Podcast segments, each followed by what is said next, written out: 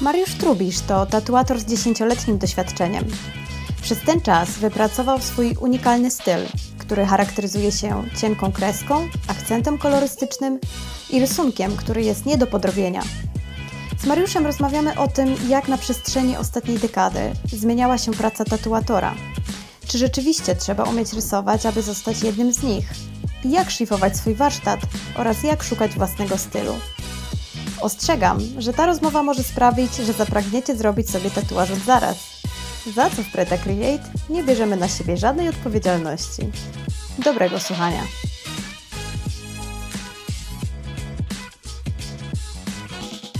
Cześć, witam Was serdecznie. Z tej strony Malwa i to jest kolejny odcinek podcastu Preta Create. I dzisiaj jest ze mną Mariusz Trubisz, e, czyli tatuażysta, który na co dzień e, stacjonuje w Warszawie i tatuuje w studio Gulestus. Cześć Mariusz, witam Cię serdecznie. Cześć, cześć, bardzo miło.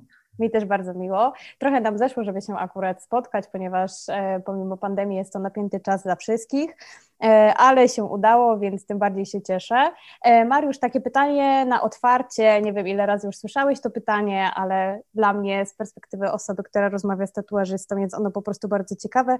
Czyli ile masz tatuaży? Oj, wiesz co, słyszałem to pytanie wiele razy i wiele razy nie byłem w stanie podać konkretnej odpowiedzi, bo tak naprawdę mam wrażenie, że byłem w stanie liczyć te tatuaże przez pierwsze, myślę, że maks dwa lata, kiedy, kiedy lądowałem pod igłą e, kolegów e, po fachu, ale teraz już totalnie nie mam pojęcia. Jakby na pewno jakoś tak procentowo moje ciało nie jest pokryte bardziej niż w 50%. Wow. E, więc, więc nie należę do tej grupy, która już tam popłynęła mocniej, ale, ale już trochę tego jest. Na tyle dużo, że nie jestem w stanie ich zliczyć. Nie?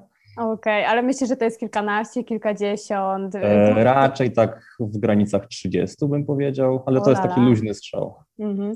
Ale masz e, tatuaże większe, mniejsze, e, czy różne, czy jakieś e, preferujesz? Wiesz co, ja akurat preferuję taki styl, że staram się nie mieć mocno takich e, intensywnych, kryjących ciało tatuaży, więc dzięki temu jest ich właśnie więcej, ale, ale jakby bardziej jakby takich, które posiadają jakieś powietrze w sobie, że tak powiem, e, czyli po prostu nie jest to każdy centymetr skóry zatatuowany. E, I wszystkie, jakby to, co wspólny mianownik dla nich wszystkich, e, jaki jest, to to, że wszystkie powstały w jednej sesji, czyli nie ma żadnych takich tatuaży, które wymagały tatuowania mm. dłużej niż plus minus tak 5-6 godzin. Mm-hmm. A tatuujesz się u kogoś, wiesz, u konkretnej osoby, u jednego kolegi, czy u różnych tatuażystów, bo też mm. powiedziałeś, że właśnie pod igłą u kolegów. E, tak, najczęściej jakby są to osoby, które znam e, i, i, i są to tatuatorzy z Polski. Panuje taki zwyczaj e, na scenie tatuażu, że jeździmy do innych studiów tatuażu w różnych miastach i w Polsce i na świecie z tego względu, że po prostu nie zawsze klienci mają możliwość przyjechania do nas, więc takie gościnne występy zwane guest spotami wykonujemy, które trwają zazwyczaj około tygodnia I często właśnie przez to, że, że poznaję nowych tatuatorów e, na, na, takich wyjazdach, to kończy się to jakimiś wymiankami tatuaży, że tak powiem. Więc jakby znakomita większość tych tatuaży, które mam na sobie, to są właśnie efekty takich, e, takich wymianek e, z kolegami z różnych Totalnie miejsc. na spontanie, rozumiem, tak? Czyli, hej, zróbmy tatuaż. Zazwyczaj nie jest to aż tak spontaniczne z tego względu, że my o tych wyjazdach wiemy na tyle wcześniej, żeby nam się udało po prostu grafik z klientami ustalić, więc jeżeli ja już wiem, że w danym miejscu będę powiedzmy za plus minus trzy miesiące, E, to też jestem w stanie tam z tatuatorami w danym miejscu pracującymi e, się dogadywać. Mhm. Czasami jest to spontan totalny, ale zazwyczaj jednak, jednak jest to przemyślany temat. A jeśli chodzi o spontan, no to narzuca się pytanie, czy masz jakiś tatuaż, którego żałujesz? E, nie, mam tatuaże na sobie, które powstały na pewno e, pod wpływem chwili, która często była zakrapiana, ale to są, to są na szczęście tylko dwa przykłady takie w moim życiu, ale jakby wiązały się też na pewno fajną, e, fajną imprezą z fajnymi ludźmi. Aczkolwiek mam takie wrażenie, że to jest jednak taki rodzaj jakiejś pamiątki, takiego wspomnienia, że jak ten tatuaż tak naprawdę widzę, to bardziej pamiętam ten czas w moim życiu, kiedy on się wydarzył, niż to, jak, e, jak wygląda, jak mógłby wyglądać. Także z mojej perspektywy to się staje tak integralne z moim ciałem na przestrzeni lat, że zupełnie nie jestem w stanie mhm. myśleć o tych tatuażach e, w kategorii błędu albo, albo czegoś, co mogłoby być lepiej mhm. wykonane technicznie na przykład. A jeszcze Cię tak dopytam e, w tym temacie Twoich tatuaży, czy jest jakieś takie miejsce, mm, nie wiem, szyja, twarz, gdzie po prostu wiesz, że w życiu sobie niczego nie, wy, nie, nie wytatuujesz? Mm. Myślę, że ja, bo ja na dobrą sprawę już na tyle długo jestem na scenie tatuażu, że śmiało mógłbym e, nie przejmować się jakby tatuowaniem w widocznych miejscach, bo mam wrażenie, że jakby jest, e, jest to trochę zarezerwowane dla osób, e, które są związane ze sceną tatuażu, z tego względu, że jednak pewne pokolenia jeszcze kojarzą tatuaż, szczególnie ten w widocznych miejscach, e, z jakimś półświadkiem i, i potrafi to utrudnić po prostu jakieś relacje społeczne, najczęściej te formalne. E, ja myślę, że mam na tyle sytuację zawodową już ustabilizowaną, że nie musiałbym się tym przejmować, ale jednocześnie jakoś po prostu nie, nie wybrnąłem poza te miejsca, które jestem w stanie zakryć długim rękawem, więc myślę, że to się nie zmieni. Wiadomo, że zasada nigdy nie mów nigdy. Mam tam jakąś drobną e, rzecz na, na palcach, taką linię przecinającą wszystkie palce, ale to jest, e, jest to raczej drobiazg. Tak to wygląda. Mhm. A zdarzyło Ci się kiedyś właśnie jakaś taka nieprzyjemna sytuacja związana z tym, że masz dużo tatuaży? E, nie wiem, czy w rodzinie, powiem, że też z doświadczenia tutaj akurat Na u mnie. szczęście w rodzinie nie, mam, e, mam bardzo wyrozumiałą i też w sumie o trochę e, artystycznych e, genach rodzinę, także to jest, e, to jest to zawsze przyjmowane ze zrozumieniem. Jedyna sytuacja, jaka mi przychodzi do głowy w tym momencie, to, e, to sytuacja z komunikacji miejskiej, kiedy po prostu starsza pani, która bardzo blisko mnie e, przebywała w autobusie, e, postanowiła się po prostu przesiąść, jeszcze skomentować mój wygląd, no, ale to jest, to jest coś, co właśnie tak myślę, że przez tych kilkanaście lat, kiedy mam na sobie tatuaże, to się zdarzyło raz, także mm -hmm. nie, jest, nie jest źle. Yy, powiedziałeś o tej rodzinie. Ja nie ukrywam, że mam tutaj e, sobie zapisane w moich notatkach, żeby Cię zapytać, czy rodzice są zadowoleni? to jest taka notka. Rozumiem, że rodzice wiedzą, czym się zajmujesz, jak najbardziej, yy, ale yy, no, tatuaże to chyba zawsze jest taki trudny temat. Pierwszy tatuaż i przyznanie się rodzicom. Znam osoby, które się długie lata nie przyznawały, już nawet jako osoby dorosłe, ale na tyle, na ile oczywiście czujesz się swobodnie w tym temacie. Jak to było? Rzeczywiście nie, nie było żadnego problemu, jak zacząłeś sobie robić i potem powiedziałeś, że chcesz zawodowo zajmować się tatuażami? Mm, wiesz co, jak zrobiłem sobie pierwsze tatuaże, to mam wrażenie, że może nie było tak, że, że, że zostałem jakkolwiek e, zniechęcony do robienia kolejnych tak słownie. Natomiast mam wrażenie, że pewnego e, poziomu rozczarowania zobaczyłem w oczach przynajmniej mojej mamy. No mój tata jakby miał w tym temacie więcej luzu. E, ale mam wrażenie, że z każdym kolejnym tatuażem to, to jak się okazało, że to nie ma jakiegokolwiek wpływu na, na, na moje dalsze losy, to, e, to już, e, już tego rozczarowania nie widziałem. Natomiast przez, mam wrażenie, długie lata mój, e, mój tata nie był w stanie przyjąć do wiadomości, że zawód tatuator to jest coś, czym się można jakby zajmować z taką perspektywą mhm. właśnie jakichś tam finansowych profitów. Także jak zaczą, zacząłem się zajmować tatuowaniem, to po prostu mój tata e, wiele razy mnie podpytywał, na jak długo, mm -hmm. kiedy się zajmę czymś, czymś więcej, nie? Ale teraz to już, e, to już jest na tyle daleko zapędzony temat, że, że wszystko jest w porządku. Mm -hmm. A opowiesz tak pokrótce, jak to wszystko się zaczęło, czyli kiedy wpadłeś na taki pomysł i um, kiedy zaiskrzyła taka idea w Twojej głowie, żeby zająć się tym na poważnie?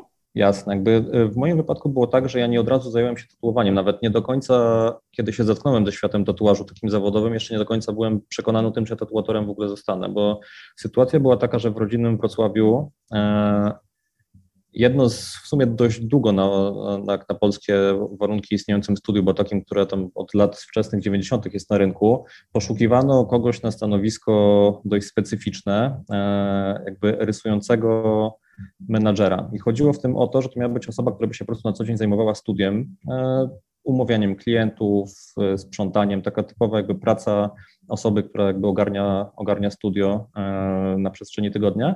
Natomiast dodatkowo jeszcze ta osoba musiała być rysunkowo przygotowana do tego, żeby przygotowywać projekty dla klientów. I to jest o tyle niespodziewane zjawisko, że zazwyczaj tym zajmują się tatuatorzy. Natomiast to się działo blisko 12 lat temu.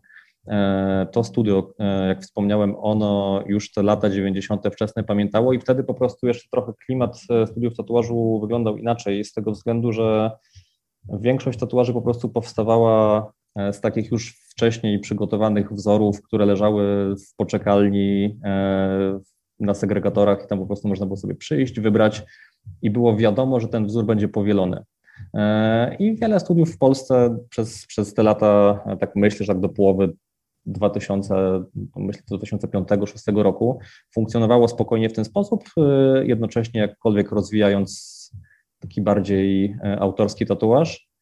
I na pewnym etapie klienci po prostu zrozumieli, że można chcieć więcej niż, niż tatuaż, który będzie stricte e, taki gotowy wcześniej, przygotowany, głównie pod wpływem zachodniej telewizji, bo się pojawiły takie programy, które gdzieś tam pokazywały dzień z życia studia tatuażu, to to się w Stanach e, działo. I jakby za potrzebą e, to owe studio postanowiło, że zatrudni do, do, studia kogoś, kto będzie po prostu dla tych klientów, którzy chcą bardzo indywidualny tatuaż, przygotowywał projekty e, na bieżąco i oni będą je tatuowali. Więc jakby ja tą pracę dostałem i to była w sumie świetna opcja na start, z tego względu, że jeszcze nie zostałem wrzucony na głęboką wodę, nie zacząłem tatuować, ale już miałem kontakt e, z klientami, już miałem kontakt z rysunkiem, jakby, który był pod kątem tatuażu przygotowywany i tak przez pierwsze, myślę, kilka miesięcy zajmowałem się głównie tym, że po prostu zajmowałem się studiem i jak od czasu do czasu ktoś z klientów chciał rysunek, e, który miał potem zostać wykonany przez jednego z tatuatorów, to ja się tym zajmowałem. Na przestrzeni mniej więcej tygodnia mi się udawało dogadywać taki rysunek z klientami. E, I na, myślę, przestrzeni tam około 6-7 miesięcy to wyglądało cały czas tak samo, że po prostu pracowałem jako rysujący menadżer i na pewnym etapie mój E, ówczesny pracodawca powiedział, że na tyle fajnie się z tych rysunków tatuuje, że może bym sam chciał spróbować e, swoich sił, ale już, już na skórze. E, było to na tyle szokujące, że jakby w tamtych czasach jeszcze zawód tatuatora był dość mistyczny, jakby w tym sensie, że niełatwo było tatuatorem zostać, bo tym zajmowało się w Polsce naprawdę jeszcze niewiele osób tą wiedzę taką techniczną było bardzo ciężko posiąść, bo jeszcze internet w tym zupełnie nie pomagał, więc trzeba było sobie samemu przygotowywać sprzęt, samemu e, przygotowywać barwniki, igły, tak by to wszystko było taką naprawdę ciermiężną robotą e, od kuchni. E, więc niechętnie się ci tatuatorzy, którzy się wychowali jako pierwsze pokolenie tatuatorów w Polsce, dzielili swoją wiedzą, po prostu nie chcieli sobie konkurencji wychowywać. Także ja miałem szczęście w tym względzie, że po prostu poziom zaufania wobec jakby mnie jako kogoś, kto miał zostać w tym studiu e, był na tyle spory, że mi zaproponowano. Jakby oczywiście, że się zgodziłem. E, poprosiłem swojego kolegę, kto tam od wielu lat, z którym się znałem jeszcze od czasów oficjalnych, czy by się zgodził wylądować pod igłą i pierwszy tatuaż wykonałem jakby w bardzo korzystnych dla mnie warunkach, bo mój szef po prostu stał obok mnie, e, pilnował, czy wszystko dobrze robię, miał na sobie też rękawiczki, więc jak coś robiłem nie tak, to po prostu do mnie brał maszynkę, pokazywał, jak zrobić to lepiej, więc przebrnąłem fakt faktem w pocie czoła, ale przez ten tatuaż myślę, że dość sprawnie. E, I na przestrzeni kolejnych miesięcy po prostu od czasu do czasu, poza tym e, menadżerowaniem studia i, i rysowaniem dla klientów, od czasu do czasu robiłem tatuaże na znajomych, jeszcze za darmo, jeszcze po godzinach, I myślę, że niespełna pół roku później już się pojawił temat po prostu pierwszych klientów na jakieś mhm. takie drobne, e, bezpieczne w miarę wzory. A te pierwsze tatuaże pamiętasz i y, jesteś w stanie na nie patrzeć? Czy, czy to jest tak, że wiesz, jak z pracami takimi sprzed 20 lat? Że to, co mnie oderwało od tych tatuaży, w tym sensie, czym jestem w stanie na nie spojrzeć, to to, że się po prostu wyprowadziłem po jakimś czasie do Warszawy, bo jakby to były jeszcze takie czasy, kiedy Warszawa jako stolica też była bardziej e, już rozkręcona w sensie jakości tatuażu tutaj, że tu było więcej studiów i one były jakby troszkę e, dalej od tych e, w innych miejscowościach z tego względu, że po prostu e, klientela była może bardziej otwarta, jeżeli chodzi o, o pomysły, więc ja przez to, żeby jakby zacząłem bardzo szybko poszukiwać swojego stylu w tatuażu i to tatuowanie właśnie z katalogów, to tatuowanie e, wzorów, które są powielane już mnie nie interesowało, a tam za bardzo jednak innej opcji nie miałem, to się wyprowadziłem do Warszawy, gdzie jakby zacząłem w pewnym sensie swoją karierę od zera, bo wszystkie te tatuaże, które tam e, porobiłem na znajomych we Wrocławiu, e, zostały tam. Ja się tak na dobrą sprawę już na przestrzeni lat kolejnych nie spotkałem zbyt często z tymi osobami. Uważam, że jakbym zobaczył je teraz, e, to raczej z sentymentem bym na nie spojrzał jako, jako coś, co było fundamentem mojej, mojej dzisiejszej pracy a nie z żalem, że, że coś mi nie wyszło, bo uważam, że jak na tamten czas to i tak było zupełnie nieźle. Super, no rzeczywiście brzmi to e, jak przedzieranie się przez jakiś taki zupełnie nowy rynek i tak rzeczywiście było. A y, możesz powiedzieć, jak to wygląda właśnie proces uczenia się tego tatuażu, czyli jeżeli wśród naszych słuchaczy jest ktoś, kto po tej rozmowie stwierdzi, hmm, może to jest pomysł na moje życie, e, to czy rzeczywiście wiesz, próbujecie, uczycie się na świńskich skórach, jak to teraz wygląda właśnie z tymi barwnikami, trochę zdradzić takiej, takiej kulisowej pracy? Mhm. Właściwie nie tyle pracy, co, co, co, co przygotowania do, do, do, do bycia tatuatorem.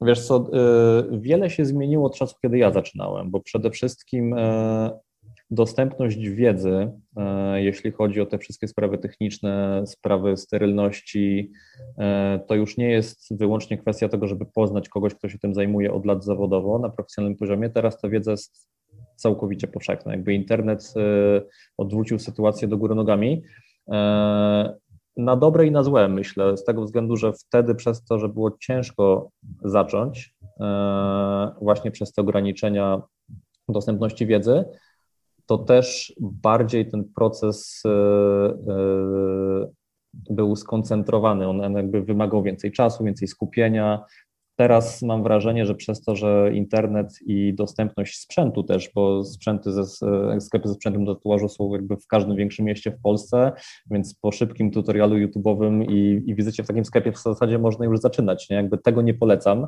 E, to, co uważam, że powinno być bazą e, i takim fundamentem dobrego tatuowania, to jest dobry rysunek. To, to jest jakby rada, którą ja dostałem bardzo wcześnie i poszedłem za tą radą. E, mimo, że byłem samoukiem rysunkowym, to jakby ten, ten swój rysunek postanowiłem warsztatowo rozwinąć i zbieram owoce tego do dzisiaj.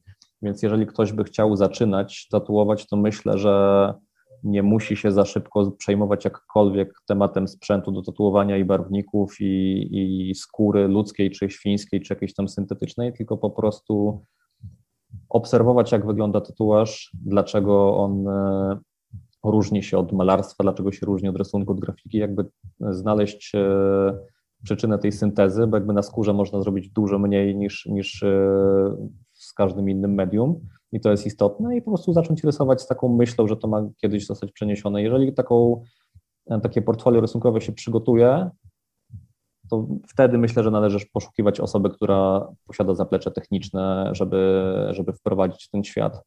I raczej właśnie poszukiwałbym e, na miejscu takich nowicjuszy e, drogi przez kontakt z kimś, kto jest od lat na scenie tatuażu niż e, próby na, e, na znajomych, e, z tego względu, że tatuaż jednak się wiąże z przerwaniem tkanki, to nie jest y, zupełnie bezpieczny proces, jeżeli mm. go się nie wykonuje z odpowiednią wiedzą i przygotowaniem. I można też stracić znajomych, nie? Jak się... To kolejna sprawa. to kolejna sprawa. Jak nie wyjdzie tatuaż. E, poruszyłeś ważny temat, czyli, e, czyli oczywiście temat tego, czy żeby być dobrym tatuatorem trzeba być dobrym rysownikiem, e, bo myślę, że takie słowo tutaj pasuje, czyli że trzeba mieć po prostu skilla do rysowania, malowania. Ty akurat akurat masz tego skilla, bo oprócz tego, że robisz tatuaże, to mm, też, też malujesz obrazy. Yy, I, zastanawiam się, czy jeżeli ktoś totalnie nie ma takiego skilla i ja tutaj macham, to jestem ja totalnie bez, bez takiego talentu, czy jestem od razu skreślona, czy rzeczywiście można ten rysunek yy, w takim stopniu wyćwiczyć, że jestem w stanie robić dobry tatuaż, mhm. ale czy nigdy on nie będzie na takim poziomie, na przykład jak twoje tatuaże? Jestem przekonany, że można, e, że można się nauczyć rysować do takiego levelu dojść rysunkowo, e, już niezależnie od tego, czy ty miałbyś z tego powstać tatuaż, czy nie, że każda osoba, która jest bardziej czy mniej świadoma tego, czy ten rysunek jakby jest technicznie dobry, to, to doceni ten kunszt z tego względu, że rysunek, ja się o tym dowiedziałem lata temu na kursie rysunku we Wrocławiu, u bardzo fajnej e, osoby, Kasi Wołodkiewicz, którą jakby też wszystkim polecam, jeżeli są na Dolnym Śląsku, że to jest jednak bardzo matematyczny proces, taki, który jak się wyłączy schematyczne myślenie, jak się wyłączy myślenie o tym, że się rysuje powiedzmy przykładem twarzy, jak się przestaje myśleć o tym, że rysuje nos i usta, tylko zacznę patrzeć na punkty napięcia, kształty, światłocień, e, jeżeli takie przestawienie nastąpi, to w tym momencie rysunek się staje bardzo fajnym, przyjemnym procesem. E, i jakby mam wrażenie, że im mniej ktoś rysował w życiu, im mniej ma e, jakichś niepotrzebnych nawyków, tym łatwiej się będzie na, nauczyć rysować. I jestem zdania, że każdy jest w stanie nauczyć się rysować, tylko dla jednych będzie to dużo bardziej e, wymagający proces, dla innych, którzy mają ten tak zwany talent czy, czy właśnie tą zdolność obserwacji, przenoszenia tego, co widzą na, na papier czy na płótno, e, przyjdzie to szybciej, ale odpowiednia determinacja, cierpliwość, myślę, że każdemu da możliwość rysowania czyli, na takim poziomie. Czyli tatuatorem może zostać każdy? E, tego bym nie powiedział, z tego względu, że to jednak nie jest tylko rysunek, jest to kontakt e, z ludźmi, jest to kontakt ze skórą. Jest to, jest to też na pewnym poziomie wymagający fizycznie proces, e, z tego względu, że tatuując, no myślę, że jakby to dotyczy też ludzi z, e, z branży jakiejś tam fryzjerskiej, kosmetycznej, że my po prostu godzinami siedzimy w takich pozycjach, kiedy to, e, to, to naprawdę potrafi się odzywać już poza godzinami pracy. No na pewno trzeba być otwartym na ludzi, jakby zdolność wsłuchiwania się, bo po drugiej stronie stoi osoba, która ma jakieś oczekiwania wobec tego tatuażu. Nie zawsze jest tak, że klienci wybierają sobie rysunki gotowe moje. E, myślę, że połowa to jest, to jest taka grupa, druga połowa moich klientów to są osoby, które mają swoją myśl, ale jakby chciałyby, żeby ta myśl została przedstawiona e, w moim poczuciu estetyki. I ja wtedy projektuję tatuaż na, na podstawie takiej, takiej wizji i myślę, że przewagą na drodze do, do tatuowania skutecznego jest właśnie taka empatia, zdolność wsłuchiwania się w drugą osobę i znalezienie takiego złotego środka między tym, co ja chcę e, pokazać w tym tatuażu, ale też co ta druga osoba chce e, na, na swojej skórze nosić, więc e, trzeba umieć odnaleźć jakby tą drogę między swoimi aspiracjami artystycznymi, a jednak też mieć w sobie trochę tego rzemieślnika, który sobie pozwoli na to, żeby się uchylić przed tym, co ta druga osoba widzi, więc e, wyłącznie bycie artystą czy skutecznym rysownikiem nie pozwoli na to. E, no, także myślę, że, że nie każdy, ale, ale e, na pewno odpo, odpowiednie odpowiednie nastawienie i cierpliwość pozwoli na to, żeby, żeby się zabrać za taką robotę. Mhm. A zastanawiam się, czy w takim razie podpiszesz się z tego, co mówisz pod y, zdaniem, że mm, tatuaże to, to rodzaj sztuki. Y, myślę, że jest to rodzaj sztuki i rodzaj rzemiosła y, równocześnie. Właśnie z tego względu, że jest po drugiej stronie osoba, która ma pewne oczekiwania i ona jakby uważam, że ja w pewnym sensie jestem e, pracownikiem usługowym, bo jednak przychodzi do mnie osoba, która jakby zleca mi. E, Im większy jest poziom zaufania, im większy jest poziom otwartości ze strony klienta, tym bardziej jest to sztuką, nie? bo wtedy e, ja mam na tyle duży poziom swobody, że w tym rysunku, który potem przenoszę na skórę, jestem w stanie jakąś emocję, jakiś storytelling przekazać i wtedy wtedy uważam, że jest to sztuką. Natomiast są też tatuaże, które mają wyłącznie merytoryczne właściwości. E, są to napisy, symbole, które e, w sensie wizualnym ważne są, żeby były technicznie świetnie wykonane, ale, ale nie muszą być czymś, co, co będzie wzbudzało jakiekolwiek emocje dla kogokolwiek, kto to zobaczy, za wyjątkiem osoby, która to na sobie nosi, dla niej ma to jakieś znaczenie. Więc E, jest to równocześnie sztuka i rzemiosło w moim odczuciu. Muszę Cię zapytać, czy Ty się nie stresujesz? Wiesz, przychodzi do Ciebie obca osoba i tak, albo ma swój pomysł i teraz totalnie, tak jak mówisz, ufa Tobie, że Ty zrobisz coś super, E, rozumiem, że to wszystko, no, to wszystko dzieje się live i tam nie wiem, czy tatuaże tak naprawdę można poprawiać. Tam jest jakaś, zawsze się nad tym zastanawiam, czy jak komuś się zatrzęsie ręka i albo kichniesz, robisz tatuaż mm -hmm. i kichniesz.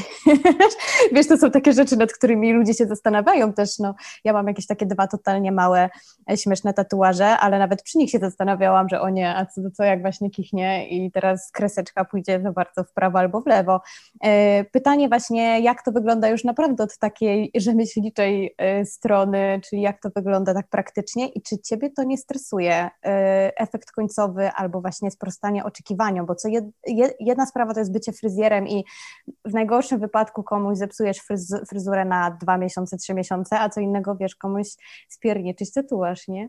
Wiesz co, bliżej myślę, że w tym właśnie rzemieślniczym e, sensie e, to jest tatuatorom do chirurgów, powiedziałbym, e, bo tutaj jakby każdego dnia pracy, o ile nie sądzę, że z, z odpowiednim zapleczem technicznym.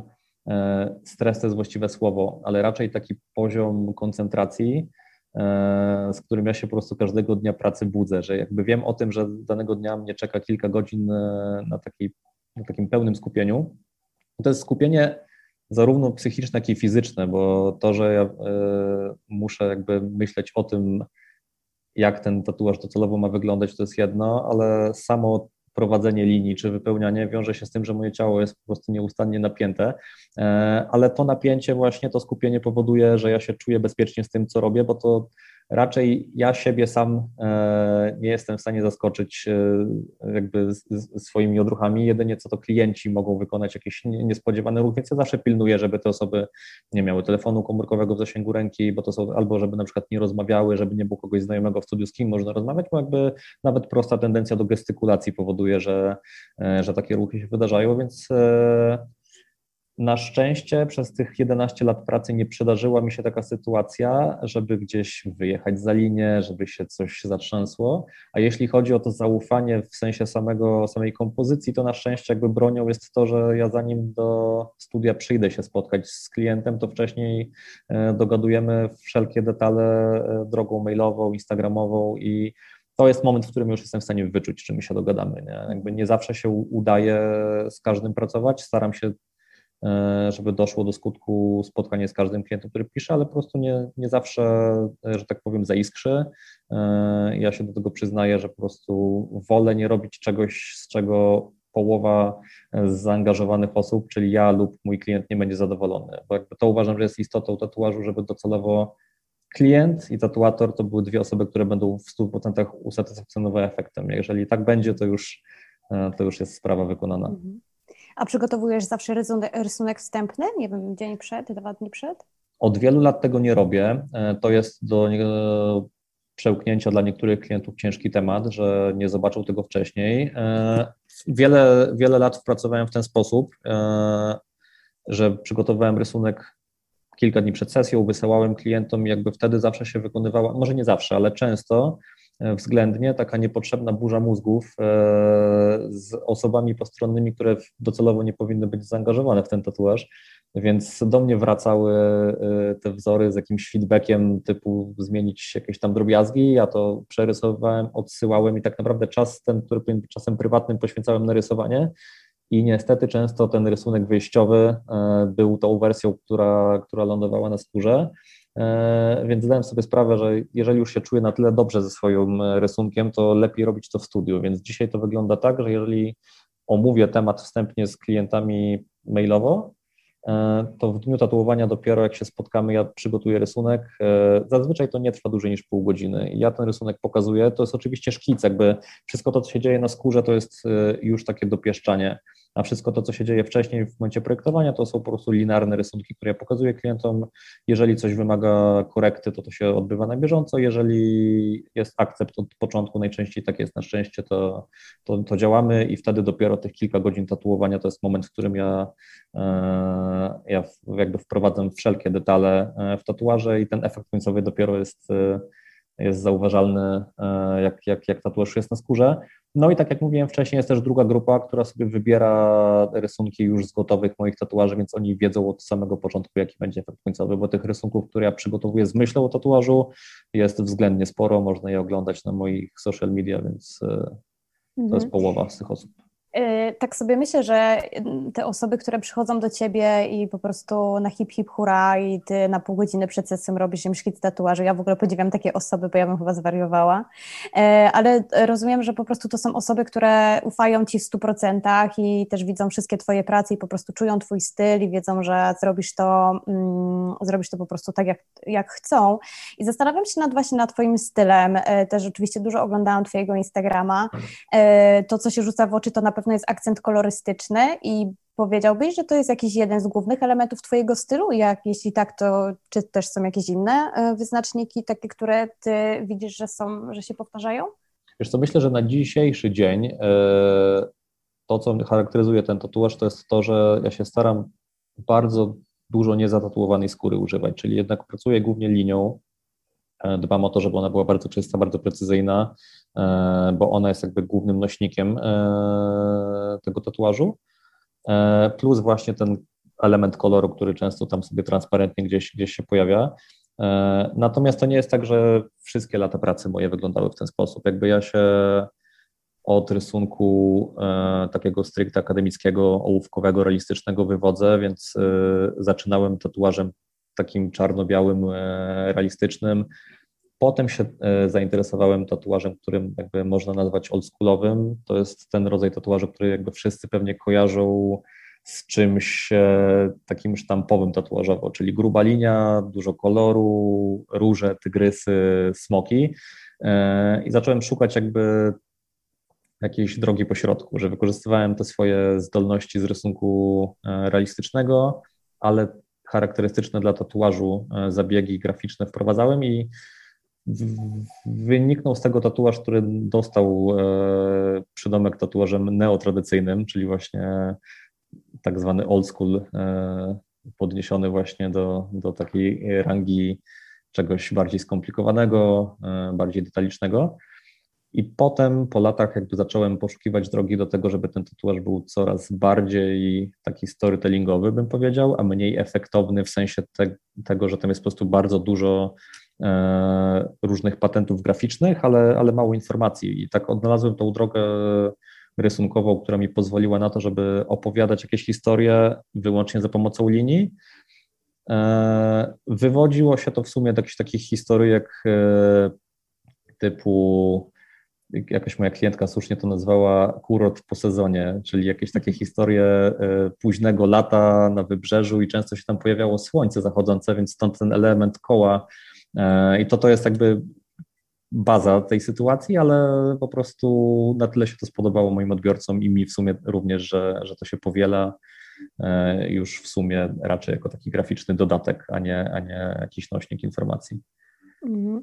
A mówisz o tych historiach, o storytellingu i mm, tak się właśnie zastanawiam, mm, bo też w jednym z wywiadów, który, których udzieliłeś i sobie przeczytałam, powiedziałeś, że przez tatuaż opowiadasz historię i teraz się zastanawiam, czy ty opowiadasz swoją historię, czy ktoś przychodzi do ciebie z jakąś historią e, i czy w każdym tatuażu jest jakaś historia e, bardziej lub mniej skomplikowana, bardziej lub mniej dosłowna? Co, myślę, że tutaj mogę się ponownie odnieść do tego rozróżnienia między klientami, którzy korzystają z moich gotowych prac, a tymi, którzy mają jakby swoje pomysły, które ja tylko realizuję w sensie e, swojej estetyki. I ta pierwsza grupa to są osoby, które e, pewnie odnajdują e, w tych moich rysunkach swoją historię. Ja nigdy nie staram się dopisywać nadmiernie dużo informacji do tych rysunków. One często są inspirowane popkulturą, muzyką, literaturą. Często są to jakieś historie miłości, przyjaźni,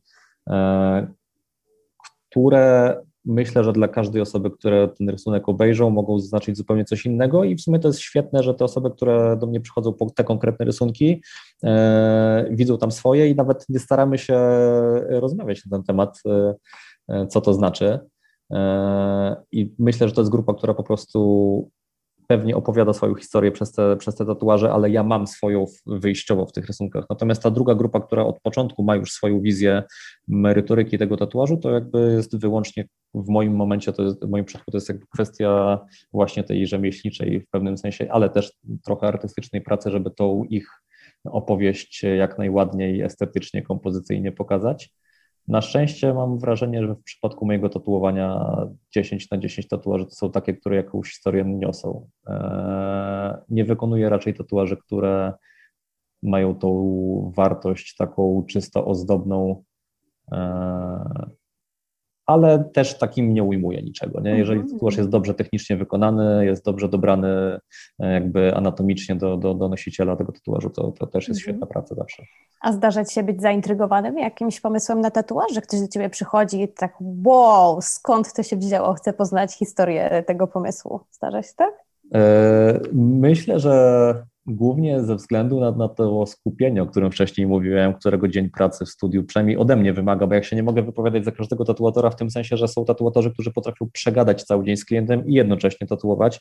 Ja tego najzwyczajniej nie potrafię, ja się tak koncentruję, może dlatego, że sobie do, dobrałem po prostu taki styl, gdzie ta, ta linia musi być e, wybitnie precyzyjna, bo jakby nie mam tam e, żadnych innych e, technik, którymi mogę ukryć techniczne błędy tatuażu, więc ja jestem na tyle skoncentrowany podczas tatuowania, że po prostu staram się nie rozmawiać, bo mi, bo mi to nie wychodzi. Często pracuję na wstrzymanym oddechu, żeby, żeby te kontury były bardzo precyzyjne.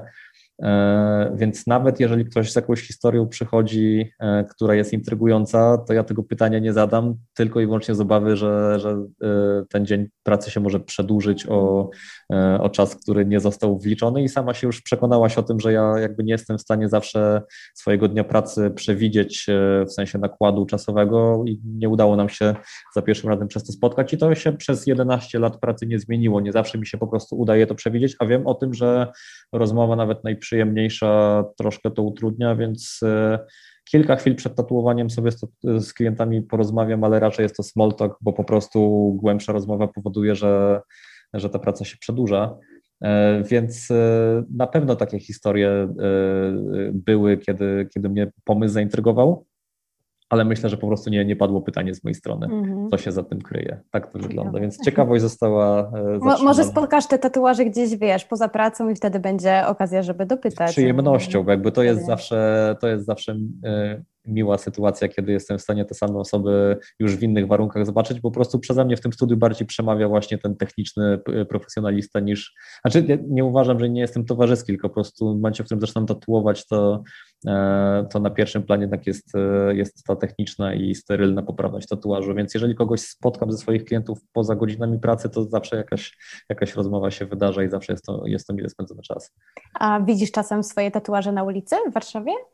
E, tak, tak, zdarza się to. E, co też miłe, zdarza się, że jak ktoś mnie zauważy, a ja nie zauważę tej osoby, to, to podchodzą e, i pokazują, jak te tatuaże wyglądają wygojone. To, to jest super miłe. Wiadomo, że w dobie pandemii jakby możliwość spotkania kogokolwiek w jakichś miejscach publicznych to, to, to już jest dużo trudniejszy temat, ale E, w tym czasie z kolei inna miła sytuacja się wydarza, bo ludzie mi przysyłają e, zdjęcia wygojonych tatuaży i to najczęściej właśnie w jakichś fajnych okolicznościach przyrody, e, czy to na wakacjach, czy, czy gdzieś po prostu na, na wyjazdach. To, to jest fajne. I to się mhm. zdarza, zdarzało się zawsze i zdarza się nadal nie tylko w Warszawie, nawet za granicą, że spotykam ludzi z tatuażami spod mojej ręki. A jeszcze się zastanawiam, tak już pod koniec naszej rozmowy, czy są jakieś trendy w tatuażu, które obserwujesz i wiesz, jest jakaś fala, mm, że nie wiem, przychodzą kobiety i sobie chcą e, tatuować błyskawice, albo jest jakaś inna fala. Czy, czy są takie trendy, mm, które, które zauważysz w swojej pracy i też czy się im poddajesz, czy starasz się je mm, zawsze zinterpretować na swój własny sposób? Wiesz co, mam wrażenie, że bardziej te trendy jestem w stanie obserwować e, w internecie e, poprzez, jakby wiadomo, że jako tatuator głównie na Instagramie, na Facebooku e, oglądam tatuaże, jakby oglądam ludzi z branży i też mi się siłą woli pokazuje, taki content. I to mi bardziej pokazuje, co się dzieje teraz na światowej scenie tatuażu, nie tylko polskiej, jeżeli chodzi o, o, o wybory kompozycyjne klientów. Jeżeli chodzi o mnie, to jednak na szczęście moi klienci podążają za tym, co ja robię nie narzucając mi zupełnie e, jakichkolwiek, że tak powiem, modowych e, wartości tatuażu. Także e, w moim konkretnym przypadku to, jaki ja wybrałem styl, jaki styl pokazałem, to jest to, co robię na co dzień i, i takich trendów nie obserwuję. Natomiast widzę, że na świecie to, co się ostatnimi czasy dzieje w tatuażu, to jest to, że synteza, jeżeli chodzi o, o rozmiar tych prac, się wydarza. E, bo powstał jakiś taki nowy zupełnie kierunek, któremu jeszcze nie jestem w stanie e, pełnego zaufania dać, jeżeli chodzi o e, jakby odporność na, na starzenie się skóry. To jest tatuaż, który jest bardzo bogaty w detal, ale jest, ale jest bardzo mały i to jest, to jest taki nowy trend, który do, do mnie takie osoby nie przychodzą z tego względu, że po prostu takich prac nie wykonuję, ale, ale on jest coraz bardziej powszechny. Mam pewną obawę, że może nie przetrwać próby czasu, ale kto wie. Okej, okay, to jeszcze tak e, na koniec chciałabym Cię zapytać, bo e, jestem też teraz na Twoim Instagramie i wcześniej widziałam, że masz prawie 77 tysięcy obserwujących, e, co jest bardzo imponującą liczbą i zastanawiam się, czy, czy kiedyś się zastanawiałeś skąd, skąd się wzięła ta liczba, bo na pewno jesteś jednym z bardziej popularnych tatuatorów w Polsce i myślałeś kiedyś nad tym, czemu, skąd taka społeczność?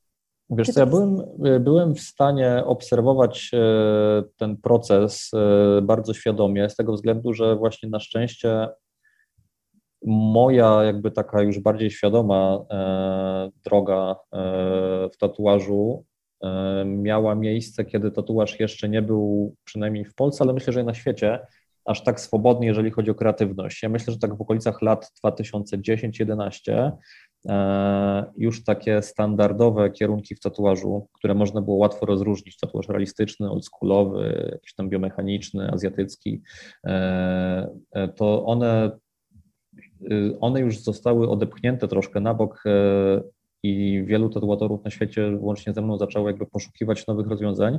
I to było, to było nowością, to było innowacyjne. I przez tą innowację e, łatwo było te osoby wyłapać na świecie, dostrzec e, i ja w sumie przez jakieś takie media, nie zawsze związane z tatuażem stricte, ale bo to były często, często też jakieś serwisy stricte rozrywkowe, e, które robiły jakieś zestawienia tatuatorów ze świata to powodowało, że ja po prostu od czasu do czasu widziałem, że pojawił się jakiś artykuł na mój temat e, w prasie zagranicznej, który powodował, że osoby, czy to zainteresowane tatuażem, czy nie, były na tyle zaskoczone tym, jak tatuaż potrafi wyglądać, jak bardzo potrafi być e, e, niestandardowy, że, że, że ta społeczność po prostu przybywała. I no to myślę, że to, ile teraz tych obserwatorów jest, to jest echo tamtych, e, tamtych czasów, bo teraz już naprawdę niełatwo jest zaskoczyć. Mhm. Jakby ten tatuaż się na tyle rozwinął technicznie, na tyle się rozwinął kompozycyjnie, na tyle jakby dużo osób o zapleczu e, rysunkowym zaczyna tatuować teraz, że już naprawdę jest ciężko o innowacje, więc moje szczęście, jeżeli chodzi o, o jakby stworzenie jakby swojej społeczności odbiorców, to jest to, że ja po prostu tatuowałem w czasie, kiedy jeszcze E, ta innowacja nie była tak, tak powszechna. Okej. Okay. Długie masz terminy? E, obecnie staram się nie zapisywać bardziej niż 8 e, tygodni do przodu. Umawiam sobie dwa miesiące, zatrzymuję te zapisy, jak ten czas jakby zbliża się do końca, to zapisuję kolejne, bo to mi daje też jakby pole manewru, jeżeli chodzi o jakieś pozalekcyjne zajęcia, że tak powiem, i życie prywatne najzwyczajniej. Super, to dobrze wiedzieć w takim razie. E, zapamiętam sobie, że 8 tygodni. E, słuchaj, Mariusz, no bardzo, bardzo Ci dziękuję. E, bardzo dobrze się z Tobą rozmawia. Jesteś świetnym, świetnym rozmówcą i też powiedziałeś bardzo dużo interesujących rzeczy. Czego, nie wiem, nie wiem sama, czego Ci życzyć, kurczę, bo tutaj wszystko, wszystko w takich kolorowych barwach dosłownie się rysuje, no ale życzę Ci w takim razie tatuaży, które chcesz wykonywać i żeby po prostu było ich jak najwięcej i, i, i żeby się dalej spełniał w tej pracy i też, żeby te plecki tak nie bolały, bo tak. czuję aż ten ból, kiedy mówisz o tym, to rzeczywiście jest ciężka sprawa. E, bardzo, bardzo Ci dziękuję za rozmowę. Również dzięki ogromne. Jeśli podobała Ci się nasza rozmowa, śledź projekt Preta Create tutaj, na Instagramie, na Facebooku i w świecie realnym. W Preta Create tworzymy kreatywne szkolenia i warsztaty, nagrywamy podcasty i rozmawiamy z ludźmi z szeroko pojętej branży kreatywnej w Polsce. Przyłącz się do nas i rozwijaj ten projekt razem z nami.